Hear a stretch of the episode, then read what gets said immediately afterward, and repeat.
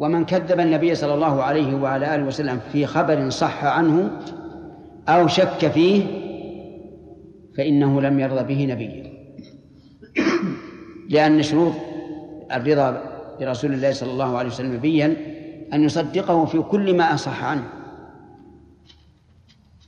وأن لا يتردد في في ذلك. فإن تردد أو أو كذب فإنه لم يرضى به نبيا. نعم. هل في هذا قول محمد النبي بعد كلام الناس إلى الحج نعم. كلام الناس في الحج يقولون لو كان النبي صلى الله عليه وسلم موجود وشاهد هذه الزحمه نعم. هذا هذا غلط ليس بصحيح. فهو مثل قول عائشة رضي الله عنها لو رأى النبي صلى الله عليه وسلم من النساء ما, ما, ما رأينا لمنعهن من حضور المساجد كما منعت بنو إسرائيل. فيقال من قال هذا؟ من قال. ثم أن هذه الزحمات والحمد لله لها حل لمشكلتها حل في الشريعة الإسلامية. نعم. إيش؟ إي نعم نعم يقال هذا قول بلا علم. وما الذي أدراك؟ نعم يا سليم بعض الائمه بعض أهل العلم يا شيخ حياته كلها جهاد في المؤلفات وفي بيان الحق وابطال الباطل يا شيخ مثل ابن تيميه ومثل الائمه الاربعه ومثل ومثل ابن القيم رحمه الله جميع أهل العلم. نعم. هذا حياتهم كلها جهاد. نعم. يمكن والجهاد اللي بالسلاح يمكن يستغرق شيء وقت قليل وما سنه ولا سنتين ولا حاجة. هذول ما هم افضل يا شيخ من الجهاد أهل السلاح. لما يعد هذا الجهاد بالسلاح. هذا جهاد بالعلم. لكن طول مدته يكتسب به الإنسان أجرا أكثر مما لو جاهد بالسلاح لمدة شهر أو شهرين أو سنة أو سنتين. فهذا بالكمية يكون أزيد من من أجل الجهاد. نعم. في بعض البلدان بعض المسلمين يغترون ببعض الأحكام الشرعية. ببعض الأحكام؟ نعم. فإذا مثلا أحيانا يدعوا إلى معركة مع الشيوعيين يخرجون للقتال معهم.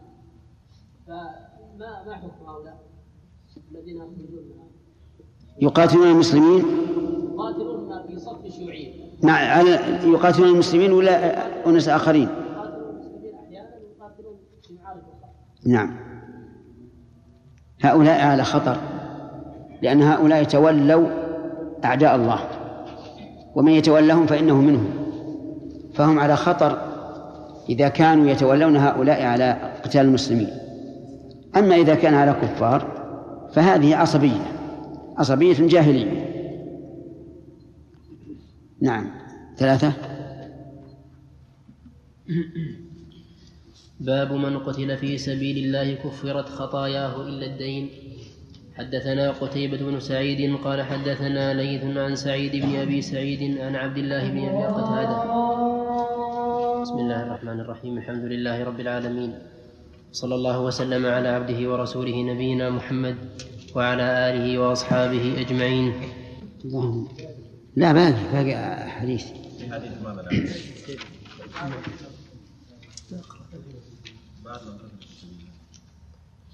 باب من قتل في سبيل الله كفرت خطاياه إلا الدين. حدثنا قتيبة بن سعيد قال حدثنا ليث عن سعيد بن أبي سعيد عن عبد الله بن أبي قتادة عن أبي قتادة أنه سمعه يحدث عن رسول الله صلى الله عليه وسلم أنه قام فيهم فذكر لهم أن الجهاد في سبيل الله والإيمان بالله أفضل الأعمال.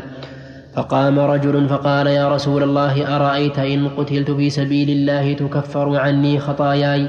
فقال له رسول الله صلى الله عليه وسلم نعم إن قتلت في سبيل الله وأنت صابر محتسب مقبل غير مدبر. ثم قال رسول الله صلى الله عليه وسلم كيف قلت؟ قال أرأيت إن قتلت في سبيل الله أتكفر عني خطاياي؟ فقال رسول الله صلى الله عليه وسلم نعم وأنت صابر محتسب مقبل غير مدبر إلا الدين فإن جبريل عليه السلام قال لي ذلك. وإنما كان الدين مستثنى لأنه حق لآدم فلا بد من أن يصل إليه.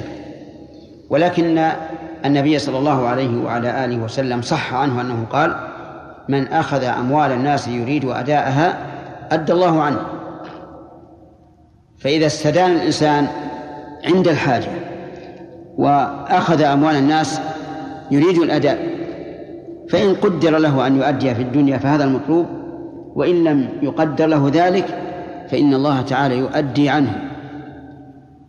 على أن قوله يؤدي عنه يشمل معنيين المعنى الأول أن الله يعينه يعينه على قضاء الدين فيؤدي والمعنى الثاني أنه إذا قدر أن, لم يتيسر له ذلك في الدنيا فإن الله تعالى يقضيه عنه في الآخرة.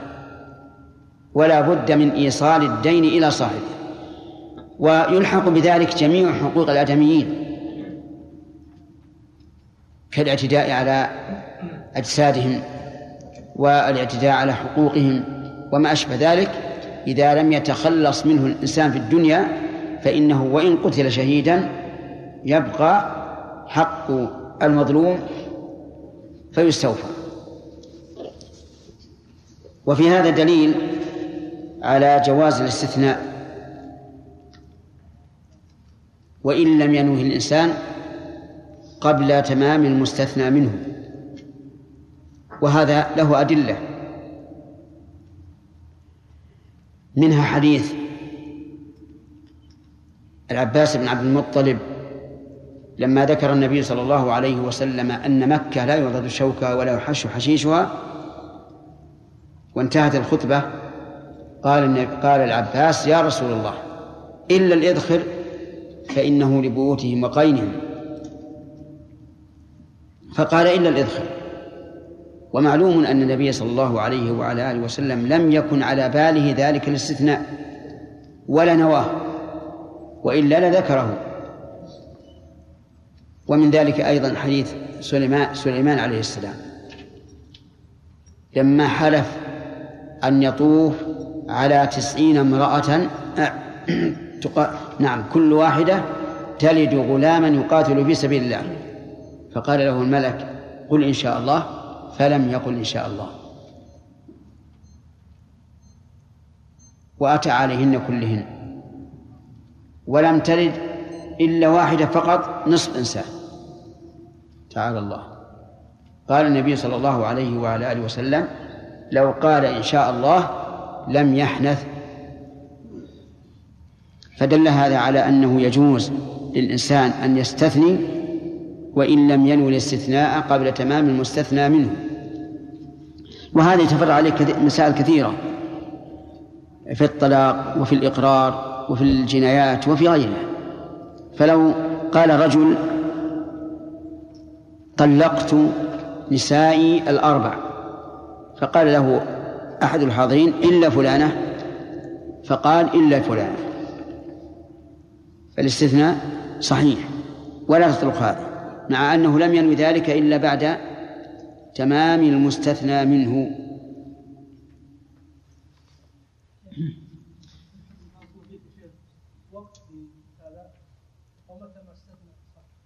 لا لا بد من الاتصال. يعني فلو طال الفصل فإنه لا يصح الاستثناء.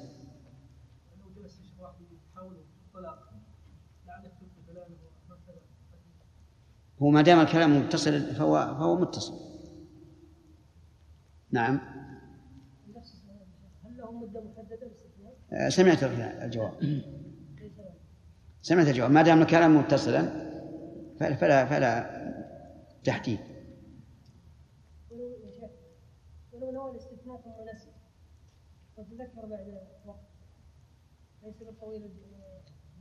لا بأس إذا تذكر في يعني في حين ثم استثنى فلا بأس. كذلك لو لو نوى الاستثناء بقلبه بشرط أن لا يذكر ما هو صريح. يعني ما لو قال نسائي طوالق ونوى في قلبه إلا فلان. صح. لكن لو صرح وقال نسائي الأربع طوالق فلا يصح الاستثناء بالقلب والفرق بينهما أنه إذا قال نساء الأربع كان ذلك صريحا في إرادة الجميع فلا تؤثر فيه النية. وأما إذا قال زوجاتي طوالق فهذا عام ويجوز أن ينوي الإنسان باللفظ العام بعض أفراده فيكون من باب العام الذي أريد به الخصوص. حدثنا أبو بكر بن أبي شيبة ومحمد بن المثنى قال حدثنا يزيد بن هارون قال أخبرنا يحيى يعني بن سعيد عن سعيد بن أبي سعيد المقبوري عن عبد الله بن أبي قتادة عن أبيه أنه قال جاء رجل إلى رسول الله صلى الله عليه وسلم فقال أرأيت إن قتلت في سبيل الله بمعنى حديث الليث؟ وحدثنا سعيد بن منصور قال حدثنا سفيان عن عمرو بن دينار عن محمد بن قيس قال وحدثنا محمد بن عجلان عن محمد بن قيس عن عبد الله بن أبي قتادة عن أبيه عن النبي صلى الله عليه وسلم يزيد أحدهما على صاحبه أن رجلا أتى النبي صلى الله عليه وسلم وهو على المنبر فقال أرأيت إن ضربت بسيفي؟ بمعنى حديث المقبوري حدثنا زكريا بن يحيى بن صالح المصري. قال حدثنا المفضل يعني بن فضالة عن عياش وهو ابن عباس القتباني عن عبد الله بن يزيد أبي عبد الرحمن الحبولي عن عبد الله بن عمرو بن العاص أن رسول الله صلى الله عليه وسلم قال يغفر للشهيد كل ذنب إلا الدين. قوله إلا الدين الاستثناء هنا منقطع لأن الدين ليس بذنب إلا من استدان ليعمل المعصية فهو مذنب وأما إذا استدان لحاجته أو ضرورته فإنه ليس بذنب. لكن سبق لنا عدة مرات أنه لا ينبغي للإنسان أن يستدين إلا عند الضرورة. نعم. وحدثني زهير نعم سائل. يعتبر هنا يا شيخ يكون الاستثناء غير منقطع إذا اعتبرنا نقل الدين لأنه إثم يعني من الذنوب. لا لا. ما يستقيم. لو كان كذلك لقال إلا مطلب الدين. حدثني زهير بن حرب قال حدثنا عبد الله بن يزيد المقرئ قال حدثنا سعيد بن أبي أيوب قال حدثني عياش بن عباس القتباني عن أبي عبد الرحمن الحبولي عن عبد الله بن عمرو بن العاص أن النبي صلى الله عليه وسلم قال القتل في سبيل الله يكفر كل شيء إلا الدين. باب بيان أن أرواح الشهداء أن أرواح الشهداء في الجنة وأنهم أحياء عند ربهم يرزقون. حدثنا يحيى بن يحيى وأبو بكر بن أبي شيبة كلاهما عن أبي معاوية. حا وحدثنا إسحاق بن إبراهيم قال أخبرنا جرير وعيسى بن يونس جميعا عن الأعمش. حا وحدثنا محمد بن عبد الله بن نمير واللفظ له قال حدثنا أسباط وأبو معاوية قال حدثنا الأعمش عن عبد الله بن مرة عن مسروق قال سألنا عبد الله وهو ابن مسعود عن هذه الآية ولا تحسبن الذين قتلوا في سبيل الله أمواتا بل أحياء عند ربهم يرزقون. عندك وهو ابن مسعود؟ إي نعم. هو هو ابن مسعود لما هي عندي. بين قوسين. إيه. يمكن بعض النسخ. نعم. عن هذه الآية ولا تحسبن الذي الذين قتلوا في سبيل الله أمواتا بل أحياء عند ربهم يرزقون. قال أما إنا قد سألنا عن ذلك؟ فقال أرواحهم في جوف طير خضر لها قناديل معلقة بالعرش تسرح من الجنة حيث شاءت ثم تأوي إلى تلك القناديل. فاطلع إليهم ربهم اطلاعة فقال هل تشتهون شيئا؟ قالوا أي نعم. أي شيء؟ قالوا أي شيء أي شيء. قالوا أي شيء نشتهي ونحن نسرح في. ونحن نسرح من الجنة حيث شئنا. ففعل ذلك بهم ثلاث مرات فلما رأوا أنهم لن يتركوا من من أن يسألوا من أن يسألوا قالوا يا رب قالوا يا رب نريد أن ترد أرواحنا في أجسادنا حتى نقتل في سبيلك مرة أخرى. فلما رأى أن ليس لهم حاجة تركوا. قوله تعالى ولا تحسبن الذين قتلوا في سبيل الله أمواتا. الخطاب إما للنبي صلى الله عليه وعلى آله وسلم وإما لكل من يصح توجيه الخطاب إليه. وهذا المعنى أعم. يعني لا تحسبن أيها الإنسان. الذين قتلوا في سبيل الله أمواتا الذين المفعول الأول تحسب وأمواتا مفعول ثاني. أي لا تظنهم أمواتا بل أحياء. وهذا أمر نسبي لأنهم أموات باعتبار الموت الجسدي. لا شك في هذا. ولذلك دفنوا في الأرض ولا يحتاجون إلى أكل وشرب. وهذا موت جسدي محقق لكل أحد. لكنه موت جسدي وأما الموت الروحي فلا فإنهم كما جاء في الحديث. نعم بل أحياء عند ربهم لا في قبورهم إلا حياة برزخية. يرزقون أي يعطون من رزق الله تبارك وتعالى ما يشاءون. فسئل عبد الله بن مسعود رضي الله عنه هذه الآية. فقال أما إنا قد سألنا عن ذلك؟ سألوا من؟ سألوا النبي صلى الله عليه وعلى آله وسلم كما هو الظاهر لأنه لن يحتج إلا بقول النبي صلى الله عليه وعلى آله وسلم. وإلا فاللفظ يحتمل أن المعنى سألنا من هو أعلم منا كأبي بكر أو عمر لكن الظاهر أنه أراد سألنا رسول الله صلى الله عليه وعلى آله وسلم عن ذلك. لأنه صلى الله عليه وعلى آله وسلم مرجع الصحابة في العلم. ولأن الصحابة لا يرجعون إلا إليه. نعم فقال أرواحهم في جوف طير خضر. لها قناديل معلقة بالعرش. الله فضل. في أجواف طير خضر. لها قناديل. أي نور مضيء. معلقة بالعرش عرش الرحمن جل وعلا. وهو أعلى المخلوقات. ولهذا قال النبي صلى الله عليه وسلم إذا سألتم الله فاسألوه الفردوس فإنه وسط الجنة وأعلى الجنة ومنه تفجر أنهار الجنة وفوقه أو وفوقه عرش الرحمن. وهذه تسرح من الجنة حيث شاءت ثم تأوي إلى تلك القناديل.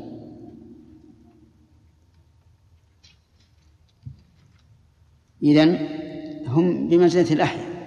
هذه الأرواح تسرح بالجنة حيث شاءت ثم تأوي إلى القناديل كأنها أوكار الطيور في الدنيا. لكنها قناديل من نور.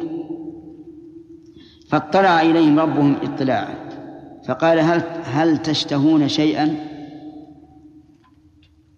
يسألهم ماذا تريدون؟ لأن الله قال في القرآن الكريم ولهم فيها ما تشتهيه الأنفس وتلذ الأعين. وقالوا أي فقالوا أي شيء نشتهي ونحن نصح من الجنة حيث. حيث شئنا؟ فقال لهم ذلك ثلاث مرات. ولكنهم لم يسألوا شيئا. فتركوا. نعم.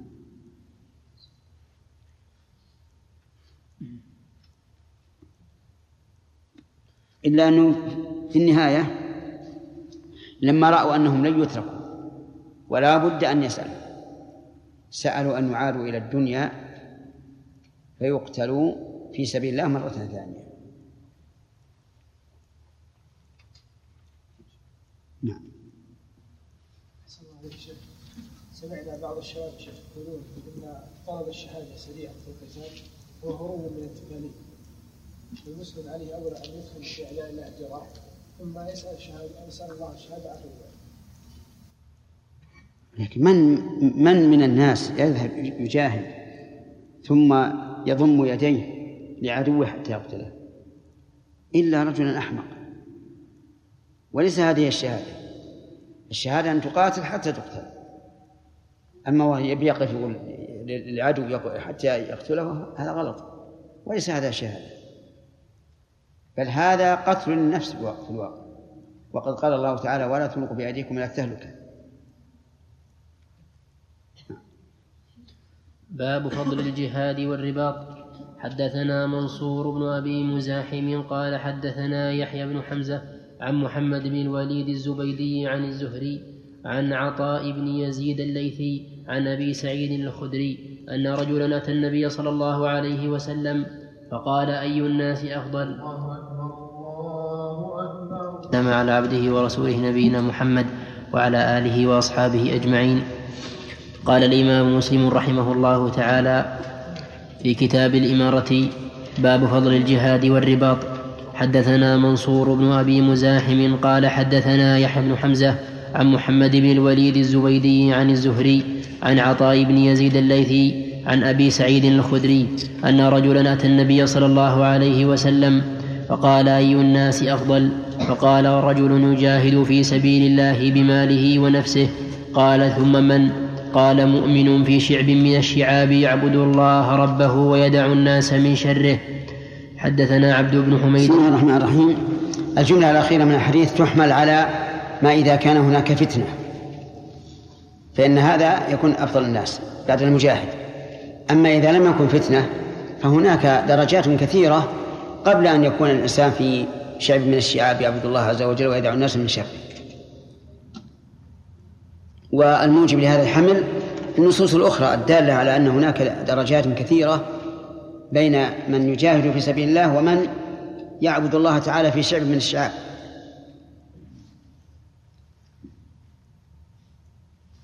نعم. حدثنا عبد بن حميد قال أخبرنا عبد الرزاق قال أخبرنا معمر عن الزهري عن عطاء, عن عطاء بن يزيد الليثي عن أبي سعيد أنه قال قال رجل أي الناس أفضل؟ يا أي الناس أفضل يا رسول الله. قال مؤمن يجاهد بنفسه وماله في سبيل الله. قال ثم من؟ قال ثم رجل معتزل في شعب من الشعاب يعبد ربه ويدع الناس من شره. وحدثنا عبد الله بن عبد الرحمن وحدثنا عبد الله بن عبد الرحمن الدارمي. قال أخبرنا محمد بن يوسف عن الأوزاعي عن ابن شهاب بهذا الإسناد. فقال ورجل في شعب ولم يقل ثم رجل. حدثنا يحيى بن يحيى التميمي قال حدثنا عبد العزيز بن أبي حازم عن أبيه عن بعجة عن أبي هريرة عن رسول الله صلى الله عليه وسلم أنه قال من خير معاش الناس لهم رجل ممسك عنان فرسه في سبيل الله يطير على متنه كلما سمع هيعة أو فزعة طار إليها. يبتغي القتل والموت مضانة أو رجل في غنيمة في رأس شعفة من هذه الشعف في رأس شعفة من هذه الشعف أو بطن واد أو بطن واد من هذه الأودية يقيم الصلاة ويؤتي الزكاة ويعبد ربه حتى يأتيه اليقين ليس من ليس من الناس إلا في خير. نعم. وحدثناه قتيبة بن سعيد عن عبد العزيز بن أبي حازم ويعقوب يعني يعني ابن عبد الرحمن القاري. كلاهما عن أبي حازم بهذا الإسناد مثله وقال عن بعجة بن عبد الله بن بدر وقال في وقال في شعب وقال في وقال في شعبة من هذه الشعاب خلاف رواية يحيى. وحدثناه أبو بكر بن أبي شيبة وزهير بن حرب وأبو كريب. قالوا حدثنا وكيع عن أسامة بن زيد عن بعجة بن عبد الله الجهني عن أبي هريرة عن النبي صلى الله عليه وسلم بمعنى حديث أبي حازم عن بعجة وقال في شعب من الشعاب. نعم. المراد يعني في الفتن أن يبعد الشخص يعني بنفسه بذاته يخرج من البلد التي فيها الفتن أم أن يجتنب الخوض في الفتن يعني؟ كيف؟ يعني إذا حصلت فتنة في بلد. هل يعتزلها بالخوض فيها بالكلام والخوض فيها ب... كل شيء. يعرض عن هذا كله. ينحاز في شعب من الشعاب يعبد الله ويؤتي الزكاة ويصلي ويؤتي الزكاة. يعني يخرج بجسده الكامل من البلد؟ إي نعم إذا أمكنه إذا أمكنه نعم. إيش؟ العزلة والخلطة نعم. متى ينبغي يصف الإنسان هذه تبع المصالح قد يكون بعض الناس الأفضل أن يعتزل كرجل صاحب عبادة وصاحب خشية ولا يحب أن يبقى في هذا المجتمع لأنه يخشى على نفسه. وقد يكون رجل عنده علم ودعوة إلى الله عز وجل فهنا يبقى ولو كان الناس على شر. تختلف. نعم. باب بيان الرجلين يقتل أحدهما الآخر. يدخلان الجنة. حدثنا محمد بن أبي عمر المكي قال حدثنا سفيان عن أبي الزناد عن الأعرج عن أبي هريرة أن رسول الله صلى الله عليه وسلم قال يضحك الله إلى رجلين يقتل أحدهما الآخر كلاهما يدخل الجنة. فقالوا كيف يا رسول الله؟ قال يقاتل هذا في سبيل الله عز وجل فيستشهد. ثم يتوب الله على القاتل فيسلم فيقاتل في سبيل الله عز وجل فيستشهد. قوله صلى الله عليه وسلم يضحك الله إلى رجلين يعني عجبا منه من, من حالهما. والضحك هنا ضحك حقيقي وليس المراد به الرحمة بل وليس المراد به الثواب كما يقوله أهل التعطيل المؤولون. بل الواجب علينا في هذه الأمور أن نصدق ونستسلم ولا نريد شيئا ولا نريد شيئا أبدا. نقول يضحك. ولكن هل ضحك الله عز وجل؟ كضحك الآدمي؟ الجواب لا. لأن لدينا قاعدة من كتاب الله. يقول الله عز وجل ليس كمثله شيء وهو السميع البصير. خذ هذه القاعدة معك دائما. كلما جاءتك آيات أو أحاديث فيها إثبات صفات الله فخذ هذه القاعدة. ليس كمثله شيء وهو السميع البصير. كذلك أيضا لا تورد على نفسك أشياء توجب الشك فيما أخبر به الرسول عليه الصلاة والسلام. كقول بعضهم مثلا إن الله تعالى ينزل إلى السماء الدنيا حين يبقى ثلث الليل الآخر. وثلث الليل الآخر الآن مختلف. قد يكون في في جهة من الأرض ثلث الليل الآخر في جهة أخرى الضحى فكيف يكون؟ الواجب علينا أن نستسلم ونقول صدق رسول الله صلى الله عليه وسلم. أما كيف يكون فهذا محرم.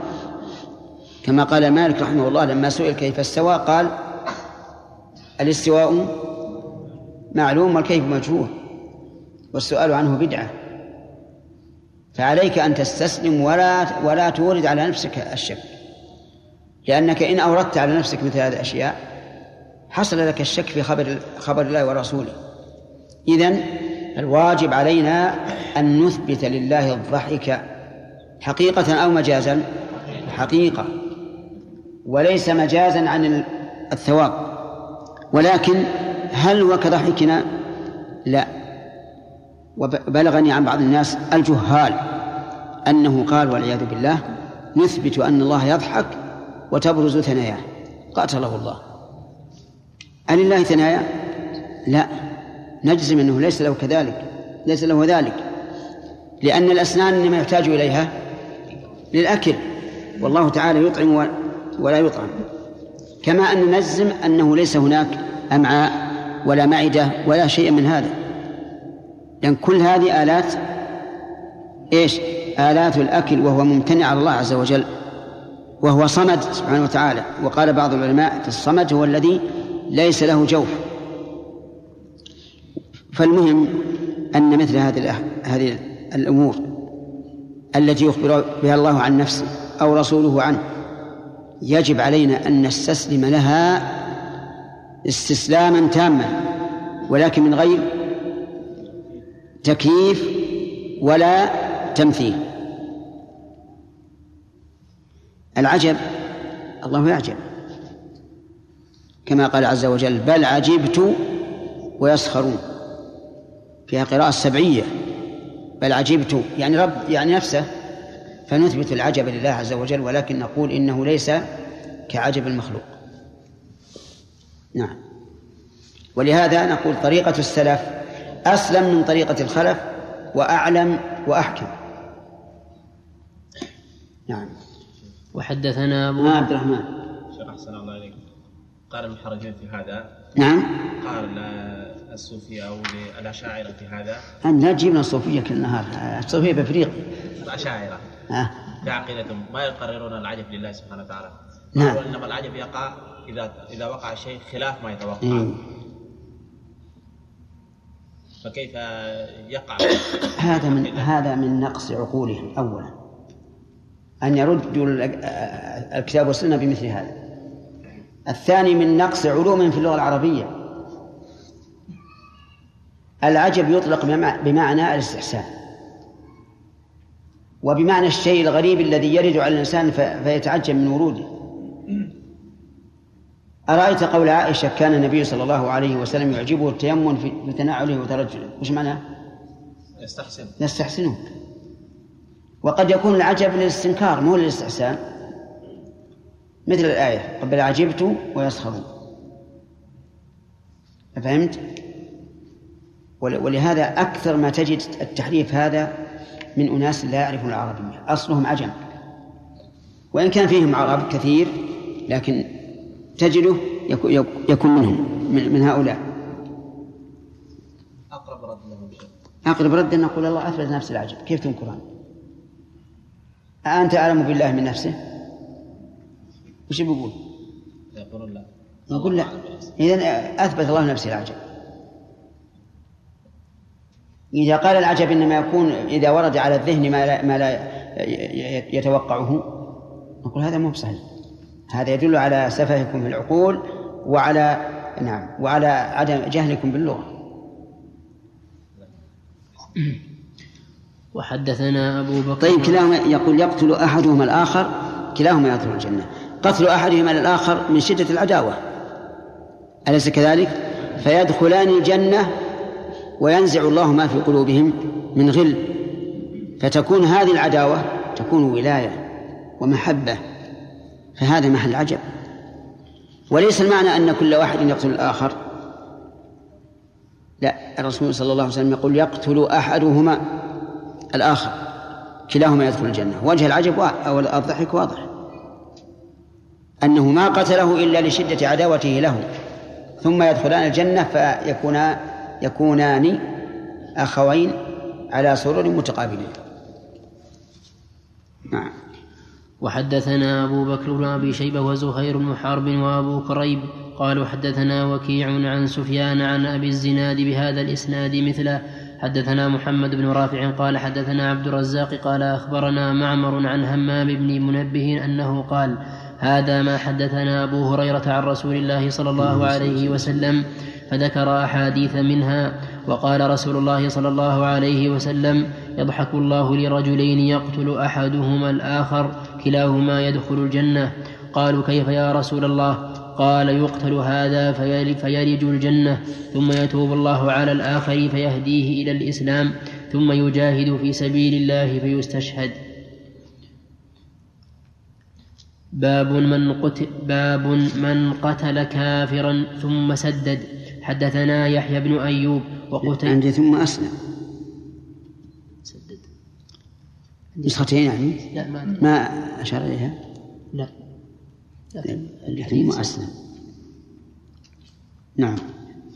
حدثنا يحيى بن أيوب وقتيبة وعلي بن حجر قالوا حدثنا إسماعيل يعنون بن جعفر عن العلاء عن أبيه عن أبي هريرة أن رسول الله صلى الله عليه وسلم قال لا يجتمع كافر وقاتله في النار أبدا. حدثنا عبد الله بن عون الهلالي قال حدثنا أبو إسحاق الفزاري إبراهيم بن محمد عن سهيل بن أبي صالح عن أبيه عن أبي هريرة أنه قال قال رسول الله صلى الله عليه وسلم لا يجتمعان في النار اجتماعا يضر أحدهما الآخر. قيل من هم يا رسول الله؟ قال مؤمن قتل كافرا ثم سدد. هذا يوافق الترجمة اللي عندك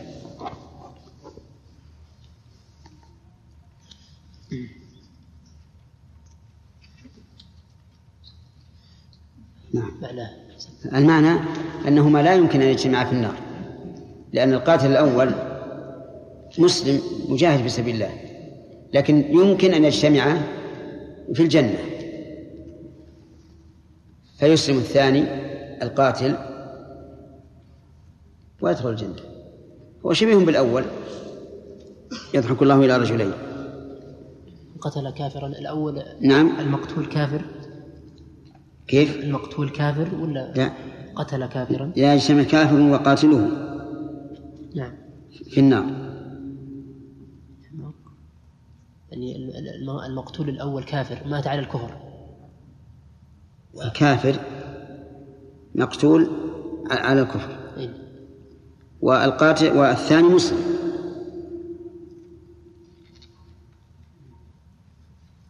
المعنى أنهما لا يمكن أن يجتمعا في النار جميعا لأن المقتول كافر. والق- والقاتل كافر. هنا عند لا, لا, لا يجتمع كافر وقاتل المقتول هو الكافر. لكن هل يمكن أن يجتمع في الجنة؟ لا يمكن لأن المقتول لا. يمكن. لأن لأن هذا ما قتل على الكفر لو شوف الشرح واضح قوله قال قال النووي رحمه الله تعالى قوله صلى الله عليه وسلم لا يجتمع كافر وقاتله في النار أبدا وفي رواية وفي رواية لا يجتمعان في النار اجتماعا يضر أحدهما الآخر. قيل من هم يا رسول الله؟ قال مؤمن قتل كافرا ثم سدد. قال القاضي في الرواية الأولى يحتمل أن هذا مختص بمن قتل كافرا في الجهاد فيكون ذلك مكفرا لذنوبه حتى لا يعاقب عليها أو يكون بنية مخصوصة أو حالة مخصوصة. ويحتمل أن يكون عقابه أن إن عوقب بغير النار. ويحتمل. ويحتمل أن يكون عقابه إن عوقب بغير النار. كالحبس في الأعراف عن دخول الجنة أولا ولا يدخل النار أو يكون إن عوقب بها في غير موضع عقاب الكفار. ولا ولا يجتمعان في إدراكها. قال وأما قوله قال وأما قوله في الرواية الثانية اجتماعا يضر أحدهما الآخر فيدل على أنه اجتماع مخصوص قال وهو مشكل المعنى وأوجه ما فيه أن يكون معناه ما أشرنا إليه أنهما لا يجتمعان في وقت في, في وقت إن استحق العقاب. في وقت إن استحق العقاب فيعيره بدخوله معه وأنه لم ينفعه إيمانه وق- وقتله إياه. وقد جاء مثل هذا في بعض الحديث لكن قوله في هذا الحديث مؤمن قتل كافرا ثم سدد. مشكل لأن المؤمن إذا سدد ومعناه استقام على الطريقة المثلى ولم يخلط لم يدخل النار أصلا سواء قتل كافرا أو لم يقتله. قال القاضي ووجهه عندي أن يكون قوله ثم سدد عائدا على الكافر القاتل. ويكون ويكون بمعنى الحديث السابق يضحك الله إلى رجلين يقتل أحدهما الآخر يدخلان الجنة. ورأى بعضهم أن هذا اللفظ تغيير من بعض الرواة وأن صوابه مؤمن قتله كافر ثم سدد. ويكون معنى قوله لا يجتمعان في النار اجتماعا يضر أحدهما الآخر أي لا يدخلانها للعقاب. ويكون هذا استثناء من اجتماع الورود ويكون هذا استثناء من اجتماع الورود وتخاصمهم على جسر جهنم. هذا آخر كلام القاضي. هو مشكل لكن الأقرب ما- أنه كما كالحديث الذي قبله ولذلك المسلم أورده بعده.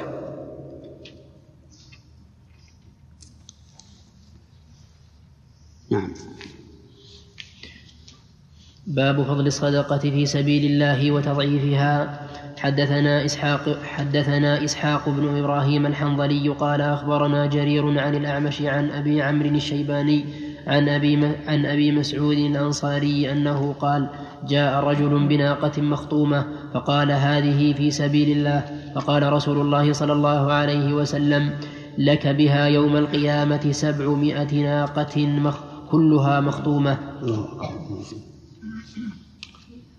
حدثنا أبو بكر بن أبي شيبة قال حدثنا أبو أسامة عن زائدة حا وحدثني بشر بن خالد قال حدثنا محمد يعني بن جعفر قال حدثنا شعبة كلاهما عن الأعمش بهذا الإسناد. هذا واضح ف- كما في القرآن الكريم مثل الذين ينفقون أموالهم في سبيل الله كمثل حبة أنبتت سبع سنابل في كل سنبلة مئة حبة. نعم. هل يقال مثل هذا لكل من أنفق شيئا في سبيل الله ام نقول إن هذا خاص بهذا الرجل الذي علم من النبي صلى الله عليه وسلم الاخلاص كل إنسان ينفق في سبيل الله ولو آه، قدرا أو إناء فإنه يضاعف سبعمائة ضعف. نعم. شيخ هل يعطى ناقة يوم القيامة هكذا؟ كما على ظاهر الحديث. يعطى 700 ناقة. وش ترى أنت؟ هذا الظاهر يعطى 700 ناقة. إذا كان هو ظاهر الحمد لله. أحمد الله الناس يحتاجون إلى الأجر. ثواب ترى هذا ما يورد هذا يا عبد الرحمن. اترك الكلام هذا.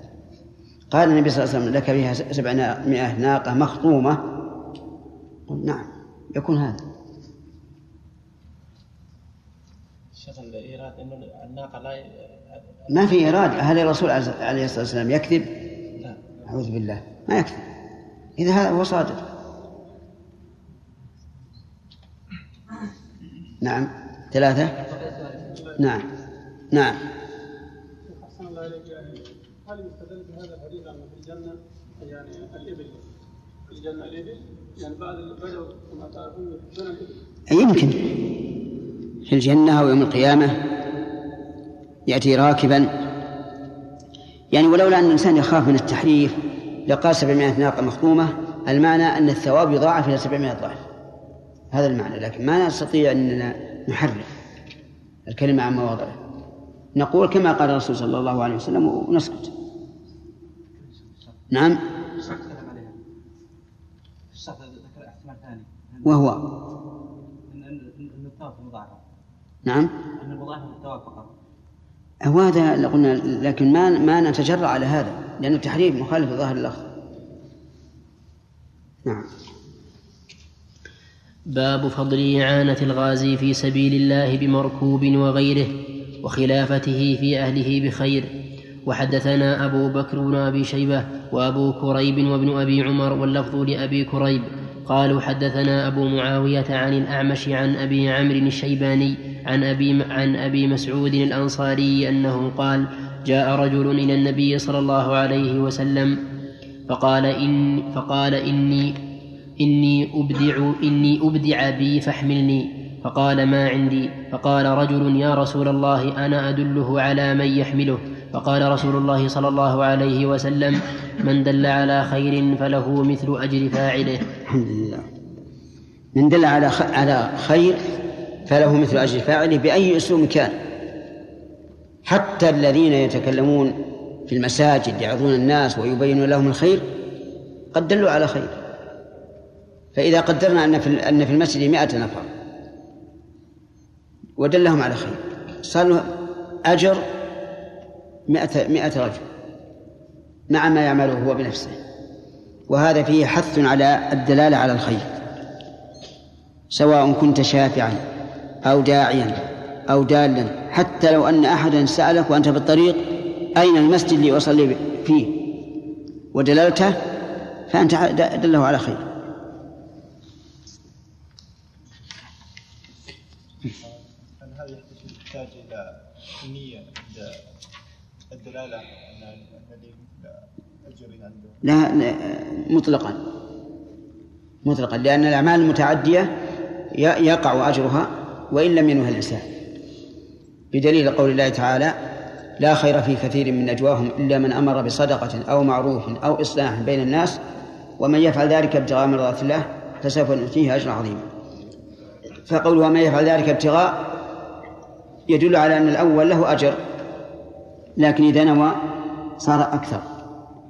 ويدل لهذا أيضا أن المتعدي يحصل به الأجر وإن لم يقصده الإنسان أن من زرع زرعا أو غرس غرسا فأصابه طير أو أو نحو ذلك فله أجره مع أنه حينما غرسه لا يريد هذا ولا طرأ على باله. بل لو رأى الطير ربما نعم. ربما يطرده نعم. نعم. نعم. نعم. نعم. ولا إي نعم.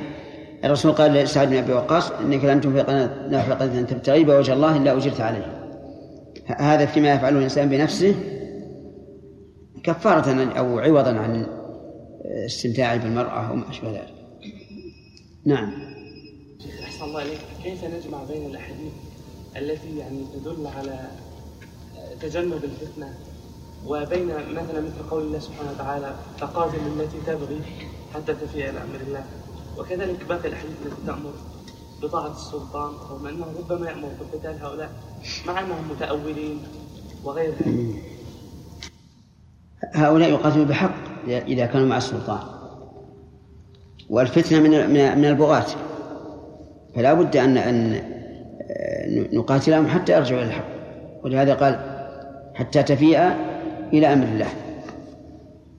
لكن نعم. وحدثنا إسحاق بن إبراهيم قال أخبرنا عيسى بن يونس حا وحدثني بشر بن خالد قال أخبرنا محمد بن جعفر عن شعبة حا وحدثني محمد بن رافع قال حدثنا عبد الرزاق قال أخبرنا سفيان كلهم عن الأعمش بهذا الإسناد. وحدثنا أبو بكر بن أبي شيبة قال حدثنا عفان قال حدثنا حماد بن سلمة قال حدثنا ثابت عن أنس بن مالك. حا وحدثني أبو بكر وحدثني أبو بكر بن نافع واللفظ له. قال حدثنا بهز قال حدثنا حمد بن سلمة قال حدثنا ثابت عن أنس بن مالك أن فتى من أسلم قال يا رسول الله إني أريد الغزو وليس, وليس معي ما أتجهز. قال ائت فلانا فإنه قد قد كان تجهز فمرض فأتاه فقال إن رسول الله صلى الله عليه وسلم يقرئك السلام ويقول أعطني الذي تجهزت به. قال يا فلانة أعطيه الذي تجهزت به ولا تحبسي عنه شيئا فوالله لا تحبسي منه شيئا فيبارك فيبارك لك فيه. وحدثنا سعيد بن منصور وحدثنا سعيد بن منصور وأبو الطاهر قال أبو الحديث هذا يقول فأتاه فقال إن رسول الله صلى الله عليه وسلم يقرئك السلام. والسياق ليس فيه أن الرسول قال بلغه سلامي أو سلم لي عليه أو ما أشبه ذلك. فهل نقول إنه قاله ولكن لم يذكر في, في سياق الرواية اختصارا أو اقتصارا؟ أو نقول إنه لم يقل له لكنه يرى أن من الأدب وحسن الملاطفة أن يقول مثل هذا. في احتمال. لأنك إن قلت إن أن الرسول لم يقل أقله من السلام وهو قال إنه يقرئك وهذا كذب. كيف يقول على الرسول ما لم يقله؟ وإن قلت لعل الرواة حذفوا ذكر قول الرسول صلى الله عليه وسلم له أقله السلام. شرح.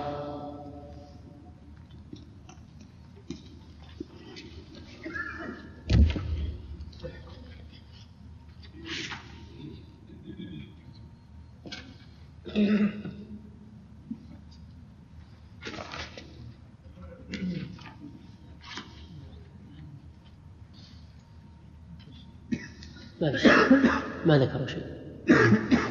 النووي كل شروح؟ نعم.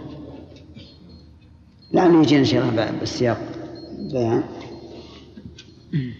وحدثنا سعيد بن منصور وأبو الطاهر قال أبو الطاهر أخبرنا ابن وهب وقال سعيد حدثنا عبد الله بن وهب قال أخبرني عمرو في هذا الحديث أن الرجل إذا تجهز للغزو وحصل له مانع يمنعه منه أنه لا يلزمه أن يبذل آه، ما ما استعد به لغيره.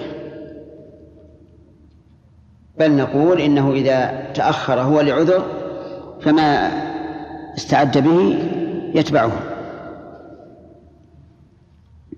نعم.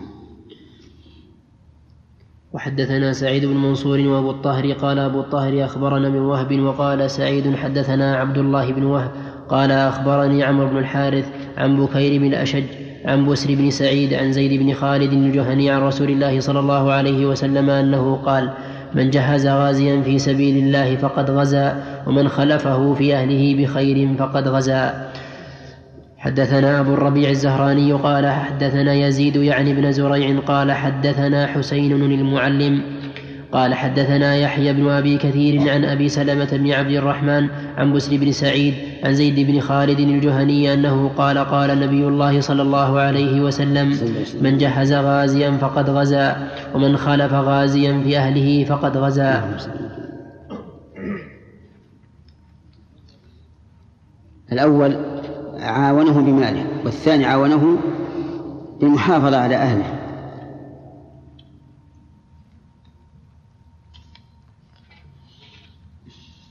نعم.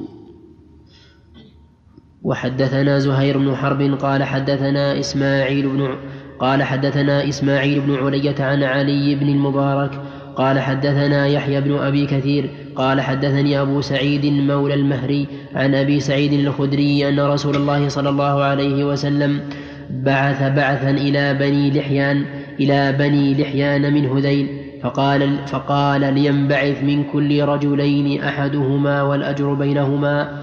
وحدثنيه إسحاق بن منصور قال أخبرنا عبد الصمد يعني ابن عبد الوارث قال سمعت أبي يحدث قال حدثنا الحسين عن يحيى قال حدثني أبو سعيد مولى المهري قال حدثني أبو سعيد الخدري أن رسول الله صلى الله عليه وسلم بعث بعثا بمعناه وحدثني إسحاق بن منصور قال أخبرنا عبيد الله يعني ابن موسى عن شيبان عن يحيى بهذا الإسناد مثله وحدثنا سعيد بن منصور قال حدثنا عبد الله بن وهب قال أخبرني عمرو بن الحارث عن يزيد بن أبي حبيب عن يزيد بن أبي سعيد مولى المهري عن أبيه عن أبي سعيد الخدري أن رسول الله صلى الله عليه وسلم بعث إلى بني لحيان ليخرج من كل رجلين رجل ثم قال للقاعد أيكم خلف خلف الخارج في أهله وماله بخير كان له مثل نصف أجر الخارج.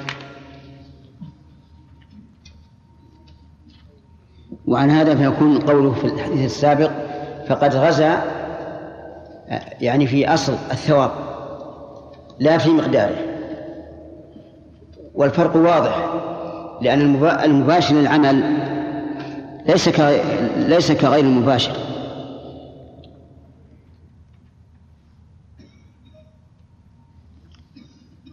نعم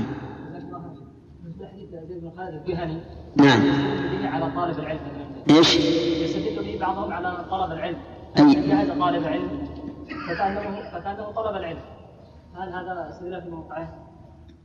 يعني إذا أعان إذا أعان طالب علم استمر على إعانة طالب العلم حتى أكمل دراسته نعم نعم. إيه يدخل في الحديث. كل عمل صالح تعين, تعين أخاك به فلك مثل أجره. لكن مثله في أصل الأجر. لا في مقداره لأنه فرق بين من يباشر العمل ومن لا يباشر. أي في أصل الثواب. في أصل الثواب. نعم. هذا كما قلنا في حديث بدا أسلم إنه إذا الرجل اذا تجهز للجهاد ثم منعه مانع فيلزمه أن يعطي ما تجهز به. نعم. وكان ما تجهز به من بيت المال. لا من بيت المال يؤخذ منه. لأنه ليس ملكه. طيب شيخ قوله في الحديث. ويقول لك ويقول أعطني الذي جهزت به. نعم. أعطني هنا يا شيخ لا تفيد الأمر. ي- يحتمل أن الرسول جهزه فيكون من بيت المال فالأمر واضح. أو أن الرسول أراد أن ينفع هذا الذي تخلف عن الجهاد بنفسه فيجاهد بماله.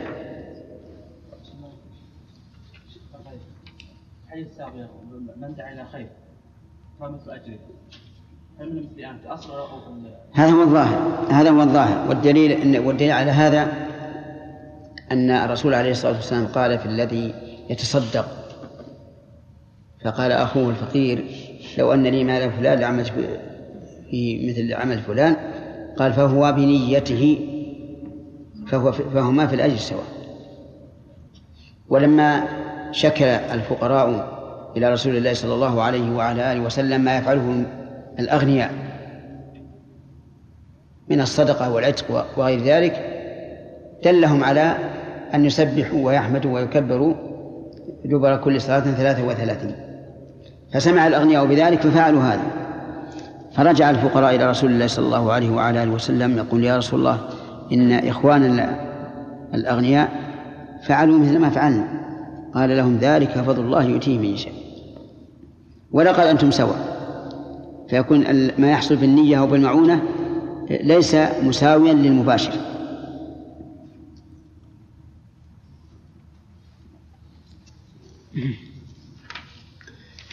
باب حرمة نساء المجاهدين وإثم من خانهم فيهن. حدثنا أبو بكر بن أبي شيبة قال حدثنا وكيع عن سفيان عن علقمة بن مرثد عن سليمان بن بريدة عن أبيه أنه قال قال رسول الله صلى الله عليه وسلم حرمة نساء المجاهدين على القاعدين كحرمة أمهاتهم. وما من رجل من القاعدين يخلف رجلا من المجاهدين في أهله فيخونه فيهم إلا وقف له يوم القيامة فيأخذ من عمله ما شاء فما ظنكم؟ نسأل الله العافية. وحدثني محمد بن الله أكبر أحسن عليك أخ عبد الرحمن. بن جمعة بالنسبة لحديث فتى من أسلم بحث فيه هو إيش؟ بالنسبة لحديث أن فتى من أسلم. إيش؟ حديث الذي مر علينا أن فتى من أسلم. قال يا رسول الله نعم. إني أريد الغزو. نعم. ذكر أن الإمام أحمد في روايته قال له يا الرسول قل له إن رسول الله يقرئك السلام إيه الحمد لله. إذا صار ليس تصرف من عنده. إيه. نعم. الحمد لله. بارك الله فيك. اللي الذي بحث فيه؟ عبد الرحمن. عبد الرحمن؟ ما شاء الحمد لله. هذه باكورة طيبة. نعم. ها؟ نعم. إيش؟ عندك اياه بعد بعد الدرس. نعم. بسم الله الرحمن الرحيم. الحمد لله رب العالمين. صلى الله وسلم على عبده ورسوله نبينا محمد وعلى آله وأصحابه أجمعين. قال الإمام مسلم رحمه الله تعالى في كتاب الإمارة من صحيحه باب حرمة نساء المجاهدين وإثم من خانهم فيهن. حدثنا أبو بكر بن أبي شيبة قال حدثنا وكيع عن سفيان عن علقمة بن مرتد عن سليمان بن بريدة عن أبيه أنه قال قال رسول الله صلى الله عليه وسلم حرمة نساء المجاهدين على القاعدين كحرمة أمهاتهم. وما من رجل من القاعدين يخلف رجلا من المجاهدين في أهله فيخونه فيخونه فيهم إلا وقف له يوم القيامة فيأخذ من عمله ما شاء فما ظنكم؟ وحدثني محمد بن رافع قال حدثنا يحيى بن آدم قال حدثنا مسعر عن علقمة بن مرثد عن عن ابن بريدة عن أبيه أنه قال قال يعني النبي صلى الله عليه وسلم بمعنى حديث الثوري. وحدثناه سعيد بن منصور قال حدثنا سفيان عن قعنب عن علقمة بن مرثد بهذا الإسناد. فقال فخذ من حسناته ما شئت. فالتفت إلينا رسول الله صلى الله عليه وسلم فقال فما ظنكم؟ في هذا الحديث تشديد ووعيد على من خان المجاهدين في أهلهم وأنه يوقف هذا الخائن يوم القيامة فيأخذ المجاهد من حسناته ما شاء. قال النبي صلى الله عليه وسلم فما ظنكم؟ وهذا الاستفهام للتعجب والتعظيم. يعني سيكون الأمر شديدا. نعم. باب سقوط فرض الجهاد عن المعذورين. حدثنا محمد بن المثنى ومحمد بن بشار واللفظ لابن المثنى. قال حدثنا محمد بن جعفر قال حدثنا شعبة عن أبي إسحاق أنه سمع البراء يقول في هذه الآية لا يستوي القاعدون من المؤمنين والمجاهدون في سبيل الله. فأمر رسول الله صلى الله عليه وسلم زيدا فجاء بكتف يكتبها فشكا إليه ابن أم مكتوم ضرارته فنزلت لا يستوي القاعدون من المؤمنين غير أولي الضرر. قال شعبة وأخبرني سعد بن إبراهيم عن رجل عن زيد بن ثابت في هذه الآية لا يستوي القاعدون من المؤمنين بمثل حديث البراء. وقال ابن بشار في روايته في روايته سعد سعد بن سعد بن إبراهيم عن أبيه عن رجل عن زيد بن ثابت. وحدثنا أبو كريب قال حدثنا ابن بشر عن مسعر قال حدثني أبو إسحاق عن البراء قال لما نزلت لا يستوي القاعدون من المؤمنين كلمه ابن أم مكتوم. فنزلت غير أولي الضرر. في هذا دليل على اختلاف الناس في مراتب الأعمال وأنهم ليسوا سواء يختلفون بحسب مراتبهم في العمل وفي الإخلاص وفي المتابعة. وفيه أيضا دليل على أن القرآن كلام الله تعالى وأنه ينزل أحيانا على أسباب معينة. فنزلت هذه الآية لا يستوي القاعدون من المؤمنين والمجاهدون في سبيل الله وليس فيها استثناء. فشكى عبد الله بن مكتوم رضي الله عنه إلى النبي صلى الله عليه وسلم ضرره لأنه أعمى. لا يستطيع أن أن يجاهد فأنزل الله هذه هذه الجملة أو هذه الكلمة غير غير أولى الضرر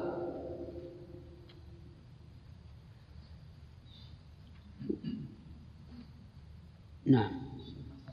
هؤلاء أصحاب الأعداء هل يعتبر نية من أمر مجرد يومين؟ كيف؟ هؤلاء أصحاب الأعداء نعم هل يعتبر بنيتهم يعني أنهم يؤجرون أو وإن لم يؤمنوا؟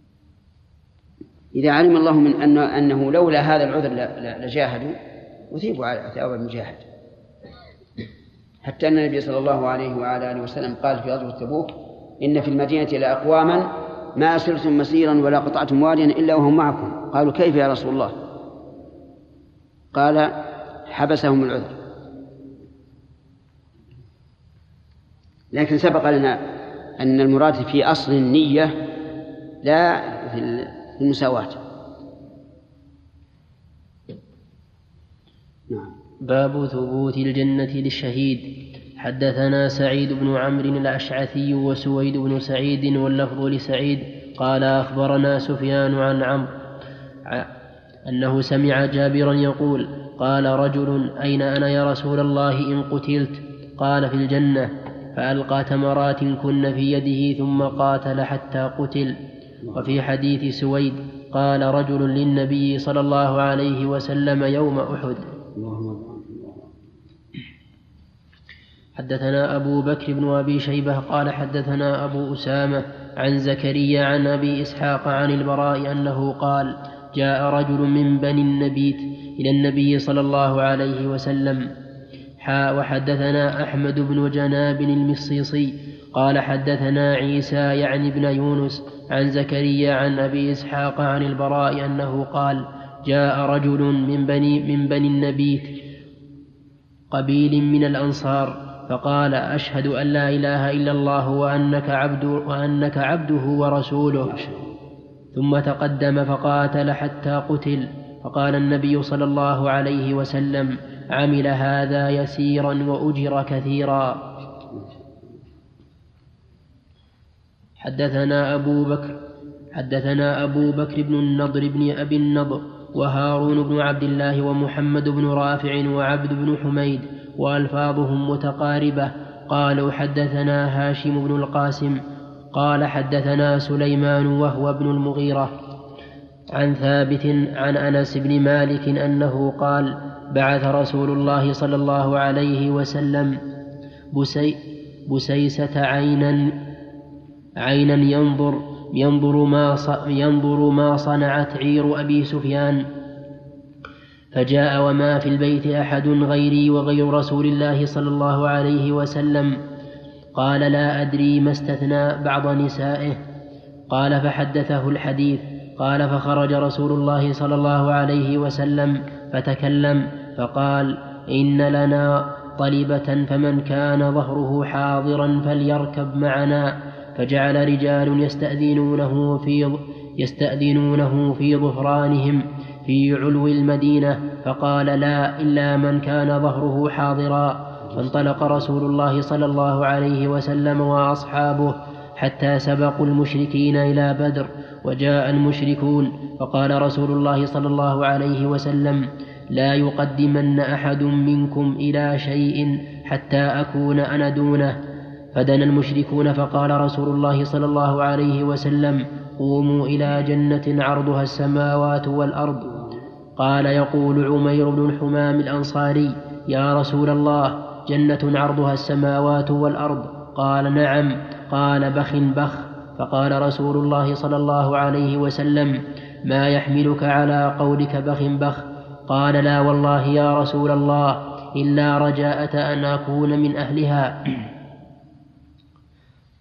قال فإنك من أهلها فأخرج تمرات من قرنه فجعل يأكل منهن. ثم قال لئن أنا حييت حتى آكل تمراتي هذه إنها لحياة طويلة. قال فرمى بما كان معه من التمر. ثم قاتل حتى قتل. رضي الله عنه. رضي الله عنه. قاتلهم حتى قتل. هذا يضاف إلى من شهد لهم النبي صلى الله عليه وسلم بالجنة بأعيانهم لأن شيخ الإسلام ابن تيمية في العقيدة الواسطية قال لا نشهد لأحد بالجنة إلا لمن شهد له النبي صلى الله عليه وسلم كالعشرة وثابت بن قيس بن شماس وغيرهم من الصحابة. وأظن بعض أهل العلم كتب في تعيينه أي في عد من شهد له النبي صلى الله عليه وعلى آله وسلم بعينه. وهذا يعني حصره سهل ليس بصعب. نعم. حدثنا يحيى بن يحيى التميمي وقتيبة بن سعيد واللفظ ليحيى. قال قتيبة حدثنا وقال يحيى أخبرنا جعفر بن سليمان عن أبي عمران الجوني عن أبي بكر بن عبد الله بن قيس عن أبيه أنه قال سمعت أبي وهو بحضرة العدو يقول قال رسول الله صلى الله عليه وسلم إن أبواب الجنة تحت ظلال السيوف. فقام رجل رث الهيئة فقال يا أبا موسى أنت سمعت رسول الله صلى الله عليه وسلم يقول هذا؟ قال نعم. قال فرجع إلى أصحابه فقال أقرأ عليكم السلام. ثم كسر جفن سيفه فألقاه. ثم مشى بسيفه إلى العدو فضرب به حتى قتل. الله أكبر الإيمان يحمل الإنسان على أن يعمل بدون تردد. فهذا الرجل لما سمع هذا الفضل في في القتال في سبيل الله ذهب إلى أصحابه فودعهم وكسر جفن سيفه لئلا يغمدهم فيه مرة أخرى ثم قاتل حتى قتل. نعم. بعض الأحيان يأتي الحديث آه، بالشهادة لجمع من الصحابة بدخول الجنة. نعم. فهل إذا أفردوا واحدا واحدا يكون ذلك صوابا؟ صوابا نعم. العشرة مثلا. وأصحاب الشجرة؟ أصحاب الشجرة وأصحاب وأهل بدر يعني في نفس شيء. لكن المحصور بعدد كالعشرة واضح. نقول عموما لا يدخل الجنة أحد لا يدخل النار أحد بايع تحت الشجرة. ونقول عموما في أهل بدر إن الله اطلع عليهم وقال اعملوا ما شئتم فقد غفرت لكم. نعم.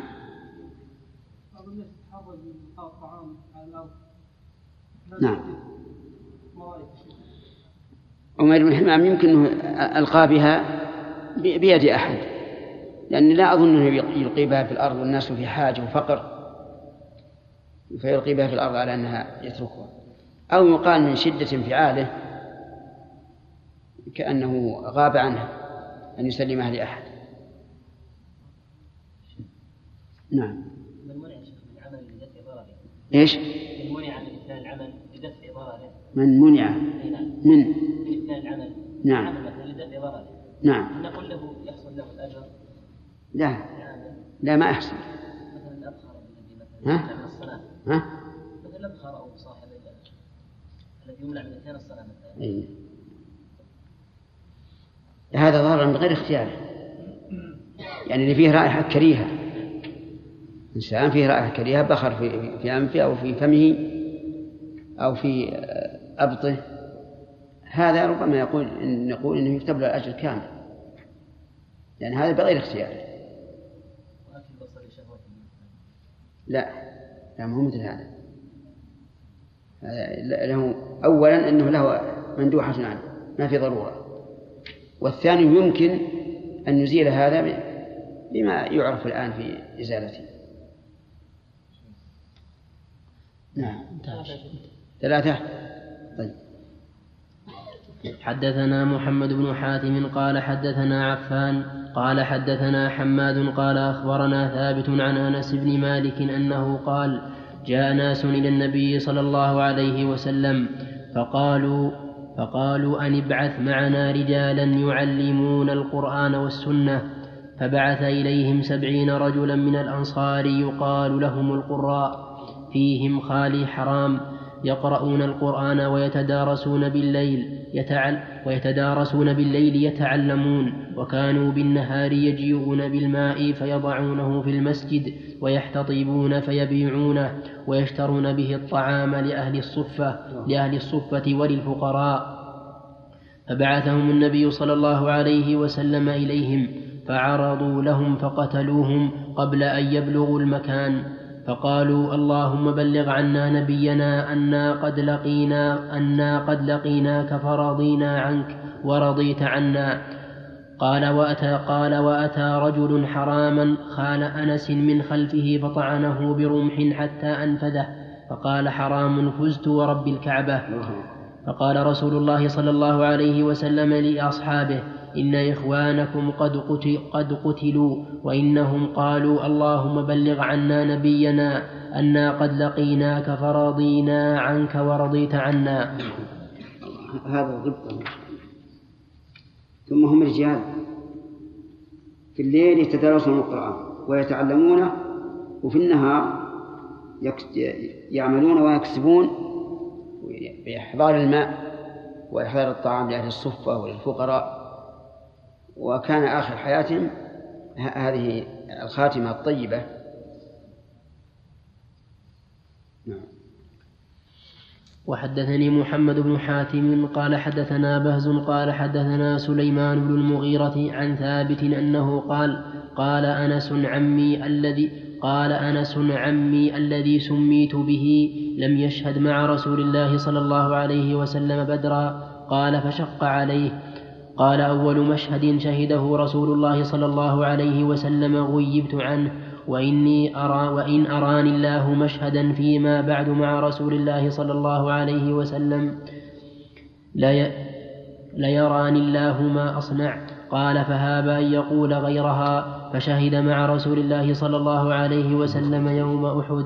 قال فاستقبل سعد بن معاذ فقال له أنس يا أبا عمرو أين؟ فقال واها لريح الجنة أجده دون أحد؟ قال فقاتلهم حتى قتل.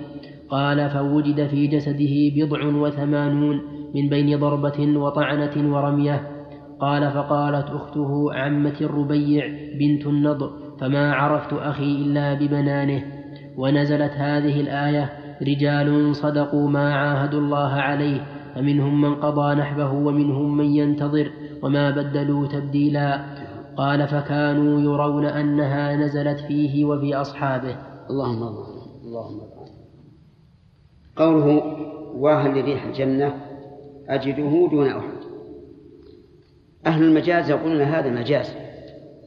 مجاز عن كونه مؤمنا بهذا متيقنا به كأن ما يشمه حسا. ولكن نقول إنه على ظاهره على ظاهره. ولا حاجة إلى تأويله. والله سبحانه وتعالى قد يكشف الثواب لبعض لبعض الخلق حتى يعينه على فعل على فعل العمل. فالأصل إبقاء اللفظ على ظاهره وأن الله تعالى روح أنسا بريح الجنة حتى يكون ذلك حافزا له على أن يقدم. ثم هذه الطعنات والضربات بضع ثمانين. وهو صابر. لم يفر. محتسب إذا قارنت عمل الصحابة رضي الله عنهم بعمل من بعدهم وجدت الفرق العظيم الشاسع. بقى الشرح قوله؟ هبت أن أقول غيرها فهذا؟ عندي لا ما عندي. فهب نعم فهب أن يقول غيره.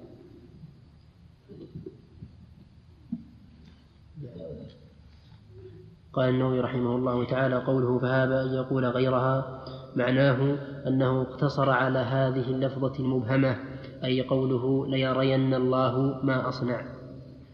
مخافة أن يعاهد الله على غيرها فيعجز عنه أو تضعف بنيته عنه أو نحو ذلك وليكون إبراء له من الحول والقوة. وغيره ما هذا؟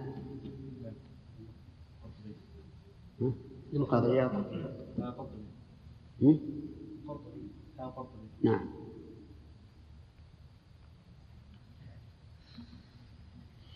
قال القرطبي رحمه الله تعالى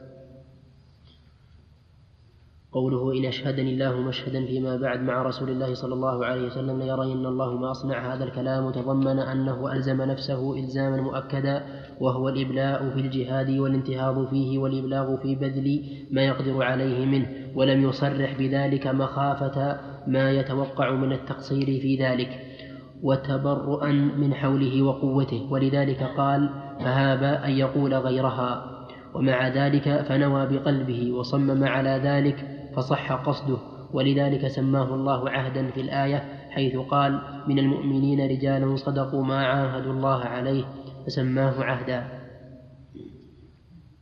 هذا هو الظاهر. وليس يريد بقوله لا يراني الله ما أصنع أنه أي عمل يعمله سواء في البلاء في في البلاء في القتال أو غيره لا ما أراد هذا.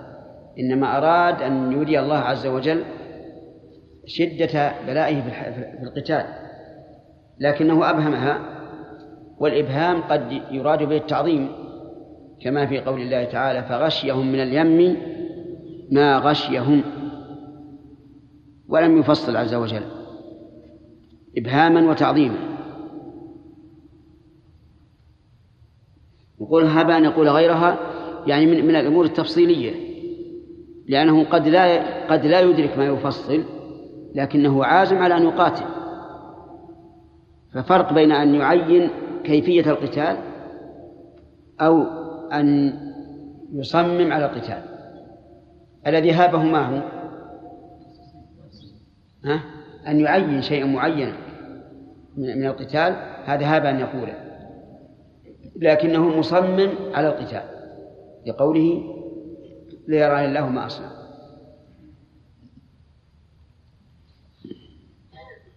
نعم. باب من قاتل لتكون كلمة الله هي العليا فهو في سبيل الله. حدثنا محمد بن المثنى حدثنا محمد بن المثنى وابن بشار واللفظ لابن المثنى قال حدثنا محمد بن جعفر قال حدثنا شعبة عن عمرو بن مرة قال سمعت أبا وائل قال حدثنا أب حدثنا أبو موسى الأشعري أن رجلا أعرابيا أتى النبي صلى الله عليه وسلم فقال يا رسول الله الرجل يقاتل للمغنم والرجل يقاتل يقاتل ليذكر والرجل يقاتل يقاتل ليرى مكانه. فمن في سبيل الله؟ فقال رسول الله صلى الله عليه وسلم من قاتل لتكون كلمة الله من قاتل من قاتل لتكون كلمة الله أعلى فهو في سبيل الله. حدثنا أبو بكر بن أبي شيبة وابن نمير وإسحاق بن إبراهيم ومحمد بن العلاء. هذا من من البلاغة لأن النبي صلى الله عليه وسلم سئل عن هؤلاء الثلاثة من من الذي في سبيل الله؟ فعدل عن تعيين. ما قال فلان ولا فلان. لكنه قال كلمة عامة وهي أن من قاتل لتكون كلمة الله أعلى فإنه في سبيل الله. ومن قاتل لغير ذلك فليس في سبيل الله. لكن لو قال قائل رجل يقاتل دفاعا عن بلده لأن بلده بلد إسلامي فهو يريد أن يبقى الإسلام في بلده. فهل هذا في سبيل الله؟ الجواب نعم.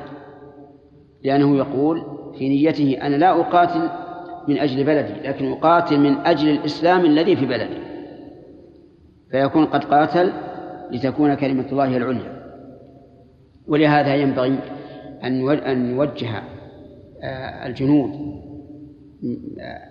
في في في عمل الجهاد إلى إخلاص النية قبل كل شيء قبل أن يقاتلوا لأجل الوطن.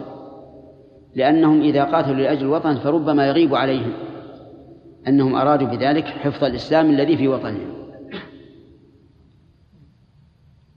نعم.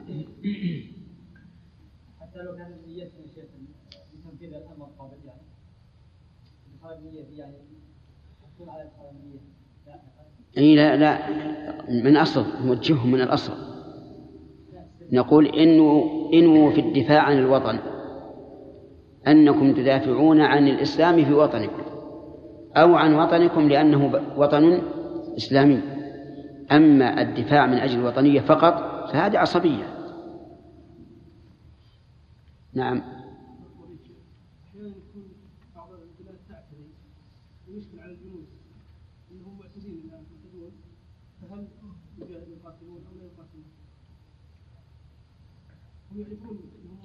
قتال قتال دفاع إذا كان إذا كان المعتدي مسلما فإنه يقاتل قتال دفاع فقط. سؤالي سؤالك الآن عن الجنود المعتدون إن كانوا كفارا. نعم. طيب.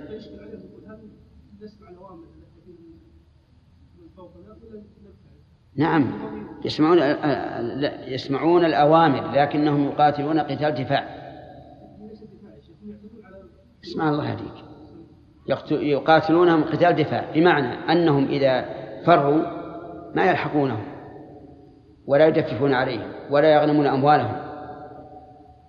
لكن ما داموا في أرضهم واعتدوا عليهم فلا حرج أن يدافعوا. نعم. من يسأل. إذا غلب على ظن الإنسان أنه سوف يقتل هل له أن يدخل في قتال الكفار؟ لا قتال إيه قتال الكفار. إيه لا بأس. هذا لا بأس لكن بشرط أن يعرف من من من من نفسه أنه قوي. يستطيع أن يتمكن أن يتمكن من من النجاة. أما إنسان ضعيف بمجرد ما يجي أدنى واحد من الكفار يقضي عليها هذا لا يجوز لأن لأن هذا لا يضره وحده وإنما يضر نفسه ويضر الجند أيضا. نعم.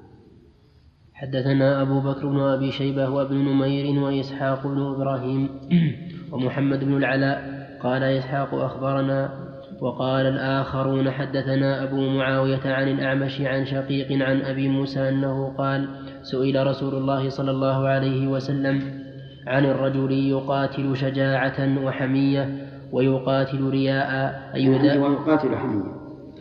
أو الثانية. نعم. الثانية. عن الرجل. كيف؟ عن الرجل يقاتل حدثنا عبد الله حدثنا أو حدثنا أبو بكر بن أبي شيبة وابن نمير وإسحاق بن إبراهيم ومحمد بن العلاء. قال إسحاق أخبرنا وقال الآخرون حدثنا أبو معاوية عن الأعمش عن شقيق عن أبي موسى أنه قال سئل رسول الله صلى الله عليه وسلم عن الرجل يقاتل شجاعة ويقاتل حمية ويقاتل رياء. أي ذلك في سبيل الله؟ فقال رسول الله صلى الله عليه وسلم من قاتل لتكون كلمة الله هي العليا فهو في سبيل الله. قوله يقاتل شجاعة يعني أن الذي يحمله على القتال أنه رجل شجاع والشجاع يحب أن يقاتل. كالصياد للطيور والظباء وما أشبه ذلك يحب أن ويقاتل حمية يعني على قومه فقتاله عصبية ويقاتل رياء يعني يرائي الناس بقتاله ليقولوا فلان شجاع. فأجاب عدل النبي صلى الله عليه وسلم عن الإجابة على التعيين إلى كلمة عامة لكنها ميزان ميزان دقيق. وهو أن من قاتل لتكون كلمة الله العليا فهو في سبيل الله. نعم.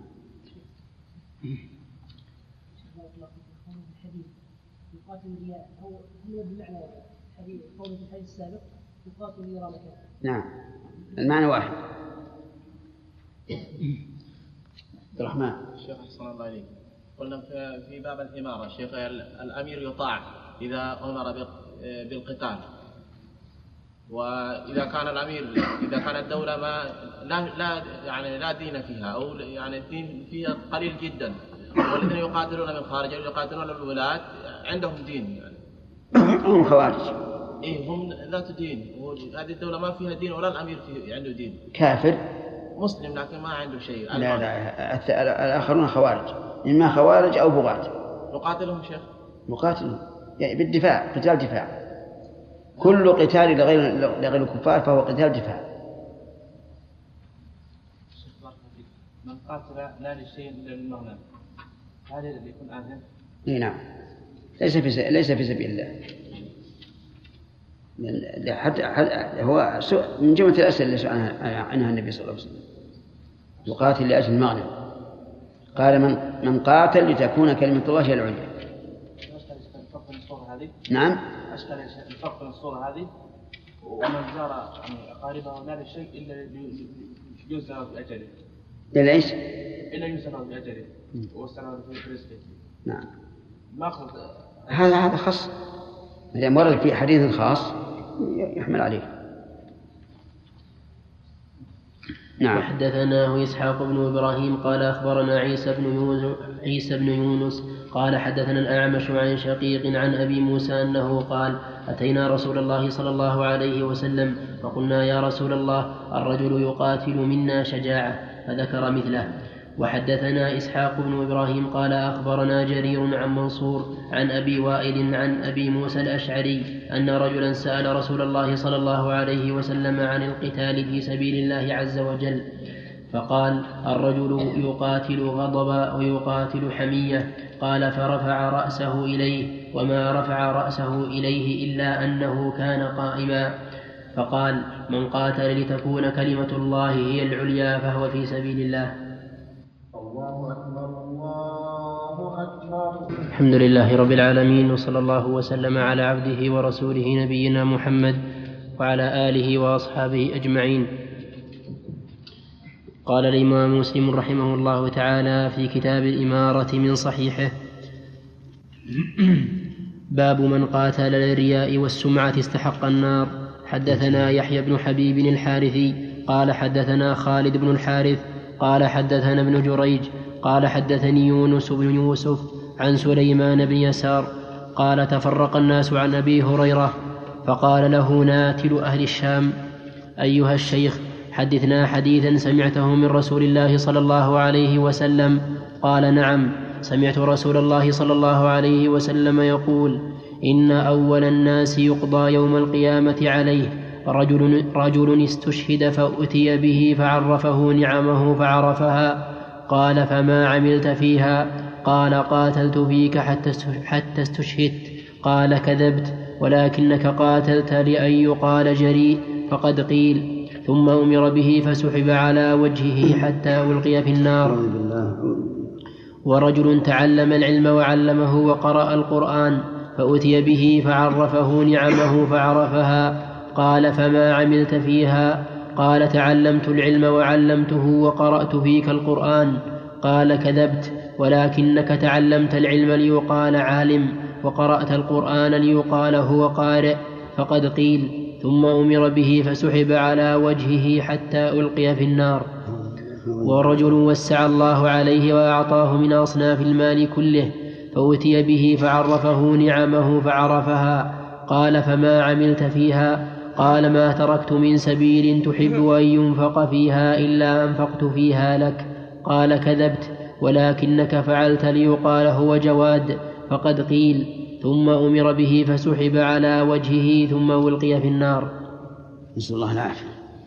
هذا في بيان من لم يخلص نيته لله تعالى في عبادته أنه يكذب يوم القيامة ويعاقب بهذه العقوبة السيئة نسأل الله العافية.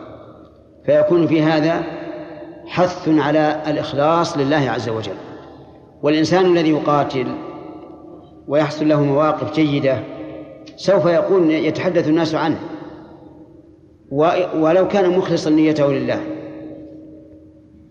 ولكنه يحرم نفسه الخير إذا نوى أن إذا نوى أن يكون الهم هو مدح الناس له. وأنت إذا فعلت الخير بنية خالصة فإن الله سبحانه وتعالى سوف ينشره. ولا يحتاج إلى أن تنوي النية الرديئة سواء كان ذلك في الجهاد أو في العلم أو في المال والإنفاق. فعليك يا أخي عليك أن تخلص النية لله عز وجل. واعلم أن الله سوف ينشر ما عملت بين الناس ما دمت مخلصا له. نعم وحدثناه علي بن خشرم قال أخبرنا الحجاج يعني ابن محمد عن ابن جريج قال حدثني يونس بن يوسف عن سليمان بن يسار قال تفرج الناس عن أبي هريرة فقال له ناتن الشامي واقتص الحديث بمثل حديث خالد بن الحارث ناتن الشام إيش معناها؟ هل هو لقب؟ هنا قال ناتن بالنسبة للرواية الأولى. قال ناتن بالنسبة للرواية الأولى. ناتن أهل الشام. ها؟ بالنسبة للرواية الأولى. قال ناتن أهل الشام ناتن بالثاء ولا بالتاء؟ بالتاء. ها؟ الرواية التي مرت السابقة.